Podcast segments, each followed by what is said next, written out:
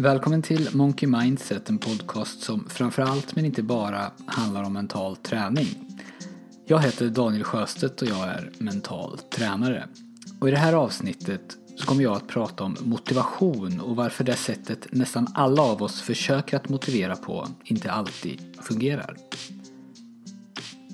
Men först så vill jag återigen tacka alla er som mejlar. Jag är överväldigad av den respons jag fått på den här korta tiden och jag är också positivt överraskad över hur mycket de här mejlen påverkar min egen livskvalitet.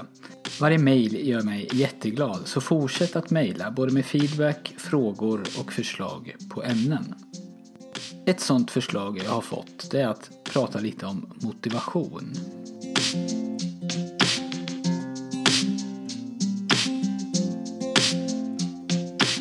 Vanligaste sättet att försöka motivera både sig själv och andra på är med en metod som kan kallas för morot och piska.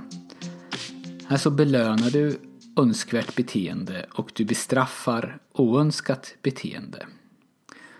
Om du inte äter upp maten så blir det ingen efterrätt. Det är ett exempel på det här sättet att motivera och det är så otroligt vanligt att de flesta av oss nog inte ens tänker i termer av motivation när vi använder oss av den här metoden utan det här är, det är något vi gör för att få vardagen att fungera. Och vi som är coacher och mentala tränare kan också ha en tendens att falla in i samma fälla. Jag upplever att det är ganska vanligt att uppmana den som gör något bra eller vill få något gjort att inte glömma bort att belöna sig själv efteråt. Och det här sättet att agera på, det känns ju också på alla sätt logiskt. Men det har visat sig att det finns tillfällen där morot och piska inte fungerar. Där det till och med saboterar såväl vår vilja att göra något som kvaliteten på det vi gör. Det finns en bok som heter Drive av Dan Pink. På svenska heter den Drivkraft och om du är intresserad av motivation så kan jag verkligen rekommendera den. Och I den här boken så säger Dan Pink att det finns tre olika typer av motivation, eller drivkraft.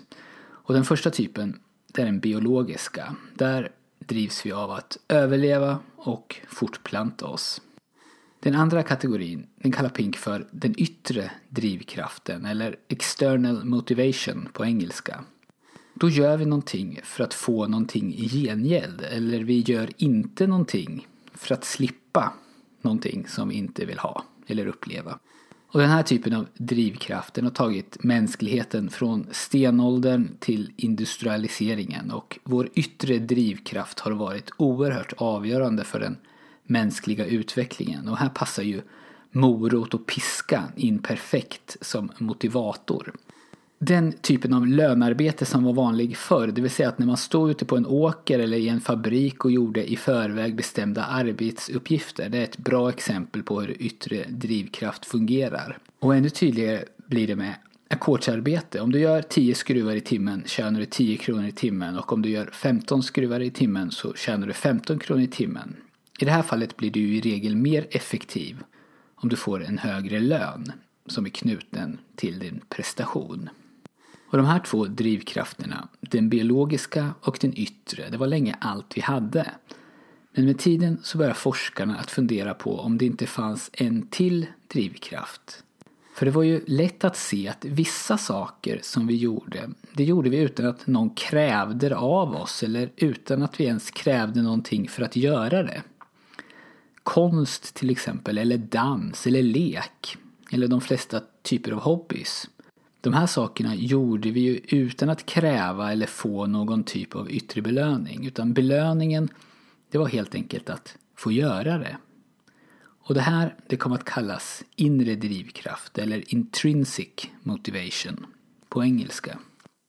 Och det är nu som det börjar bli intressant. För det visar sig att när vi ska göra arbetsuppgifter som drivs av lust eller som inte är så lätt att definiera som till exempel att bygga sociala relationer eller att jobba med vår kreativitet så är det den här, den inre drivkraften som jobbar. Och, och nu blir det dubbelintressant, det vanliga sättet att motivera, det vill säga morot och piska som jag gick igenom förut, det fungerar inte på den här inre drivkraften. Utan tvärtom så kan morot och piska i vissa fall döda den inre motivationen och vår prestation kan bli sämre än vad den hade varit utan någon belöning alls. Och det här det har visats gång på gång i forskningen och jag kommer strax att ge några exempel på det. Och här finns det då, som Daniel Pink påpekar, en enorm klyfta mellan det som forskningen har kommit fram till och det som vi, både inom näringslivet och i samhället i stort, gör. Vi försöker ju fortfarande att motivera med morot och piska trots att fler och fler arbeten numera är av sådan karaktär att den styrs av den här inre drivkraften. Arbetsuppgifter som inte är lätta att definiera och som kräver kreativitet eller relationsbyggande till exempel. Jag kommer förstås att ge dig länkar där du kan se och läsa mer om det här och du hittar dem i anteckningarna till det här avsnittet på min hemsida monkeymindset.se podcast. På 1940-talet konstruerade en forskare som hette Carl Dunker ett experiment. Det kallas för The Candle Problem och ljusproblemet och jag länkar till det också. I det här experimentet så får deltagarna en ask med häftstift, ett stearinljus och några tändstickor. Problemet som de ska lösa det är att de ska få ljuset att fästa på en vägg utan att stearinet droppar ner på ett bord som står under. Deltagarna försökte lösa det här problemet med olika metoder. En del försökte trycka häftstift genom ljuset och in i väggen och en del försökte värma sidan på ljuset och sedan limma dit ljuset med hjälp av det smälta stearinet.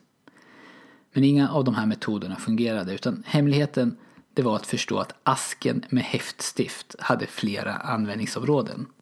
Asken var inte bara en behållare till häftstiften utan den var även rekvisita till experimentet. Och när man insåg det så var det lätt att se att man skulle fästa asken i väggen med hjälp av häftstiften och sedan ställa ljuset i asken.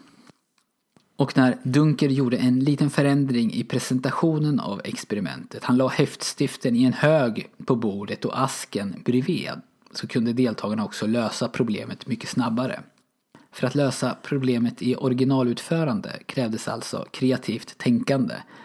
Men för att lösa det när häftstiften och asken låg var för sig krävdes bara att man gjorde det uppenbara och satte upp lådan på väggen. På 60-talet gjorde en annan forskare, Sam Glucksberg, om det här experimentet. Men han la till en faktor. Han införde nämligen en belöning. Han sa till deltagarna att de skulle få pengar om de lyckades lösa problemet och ju snabbare de löste det, desto mer pengar skulle de få. Men han sa det bara till hälften av deltagarna. Den andra hälften den bad han bara att lösa problemet så snabbt som möjligt och han nämnde inget om någon belöning. När asken och häftstiften låg för sig, alltså när det inte krävdes någon kreativitet, när den yttre drivkraften var dominerande, då löste gruppen som fick pengar problemet snabbare än gruppen som inte fick pengar. Och det här kan man ju förvänta sig. Det är ett perfekt exempel av nyttan med morot och piska. Men när häftstiften låg i asken var rollerna omvända. Nu löste gruppen som inte fick någon belöning problemet fortare. Det verkar alltså som att belöningen i sig hämmade gruppen som fick den. Och Glucksberg han kunde då visa att belöning enligt morot och piska-metoden kan hämma kreativiteten. Den skapar tunnelseende och gör det svårare för oss att bredda vårt tänkande. Vi får svårare att tänka utanför boxen. Och det var faktiskt just det här experimentet som myntade det uttrycket. Det finns också andra faktorer som kan komma i spel. Låt mig ge dig två exempel till. På ett dagis i Israel hade personalen problem med att föräldrarna hämtade barnen för sent. Till slut så bestämde de sig för att försöka ändra på det och de satte upp en lapp där det stod att förseningar från och med nu skulle bestraffas med böter. Och ju senare föräldrarna kom, desto mer böter. Tvärtom mot vad dagispersonalen hade förväntat sig så började nu fler föräldrar komma sent och barnen hämtades ännu senare än förut. Vad hade hänt? Jo, tidigare så hade ju föräldrarna drivits av en inre drivkraft. De ville inte komma för sent för de visste att det skulle innebära att dagispersonalen skulle behöva jobba över. Det fanns en social aspekt och de som ändå kom för sent de hade nog skyndat sig så mycket de kunde.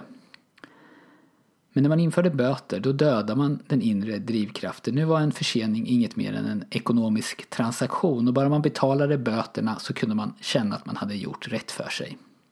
Dagiset tog bort böterna och de hoppades att beteendet skulle gå tillbaka men det var för sent. Den inre drivkraften hos föräldrarna den var redan borta. Och mitt nästa exempel det handlar om barn som ritar. Några forskare i USA gick till en förskola och de bad att få göra ett experiment. De plockade ut de barn som tyckte mycket om att rita och så delade de in dem i tre grupper. Den första gruppen lät de bara rita som vanligt och den andra gruppen fick rita som vanligt men när de var klara fick de ett diplom som tack. Den tredje gruppen, de ombads rita och blev i förväg lovade att de skulle få ett diplom. Skillnaden mellan grupp 2 och grupp 3 var alltså bara att barnen i grupp 2 inte visste innan att de skulle få ett diplom. När barnen hade ritat och diplomen hade delats ut så åkte forskarna hem och efter några veckor kom de tillbaka för att se om några barn hade ändrat sitt beteende. Det visade sig att grupp 1 och grupp 2 de ritade precis som vanligt men barnen i grupp 3 de hade slutat rita. När man tar någonting som drivs av lust eller den inre drivkraften, i det här fallet att rita och belönar det enligt morot och piska-principen om du ritar får du ett diplom. Så riskerar man att döda den inre drivkraften. Nu vill barnen plötsligt bara rita om de får någonting i gengäld. Så hur kan du använda dig av det jag precis har pratat om? Till att börja med så kan du ju se på dig själv och på dem i din närhet som du försöker att motivera. Som förälder är det ju troligtvis vanligast att man försöker få sina barn att göra en massa saker och som chef har man underlydande att ta hänsyn till. Fråga dig själv vad som drivs av den yttre drivkraften och vad som drivs av den inre. Försöker du att motivera uppgifter som drivs av inre drivkraft med hjälp av morot och piska?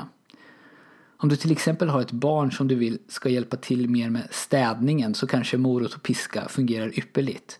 Det är inte orimligt att anta att städning drivs av den yttre drivkraften. Det är inte av lust vi städar och själva utförandet kräver lite eller ingen kreativitet. Men om du vill att det här barnet ska träna mer på sina pianoläxor så kanske det är sättet du motiverar på som bidrar till att han eller hon aldrig tränar spontant. Jag hoppas att det här avsnittet har fått dig att tänka lite annorlunda kring motivation. Det fungerar inte alltid att locka med belöning eller att hota med bestraffning. Ibland så har det till och med motsatt effekt.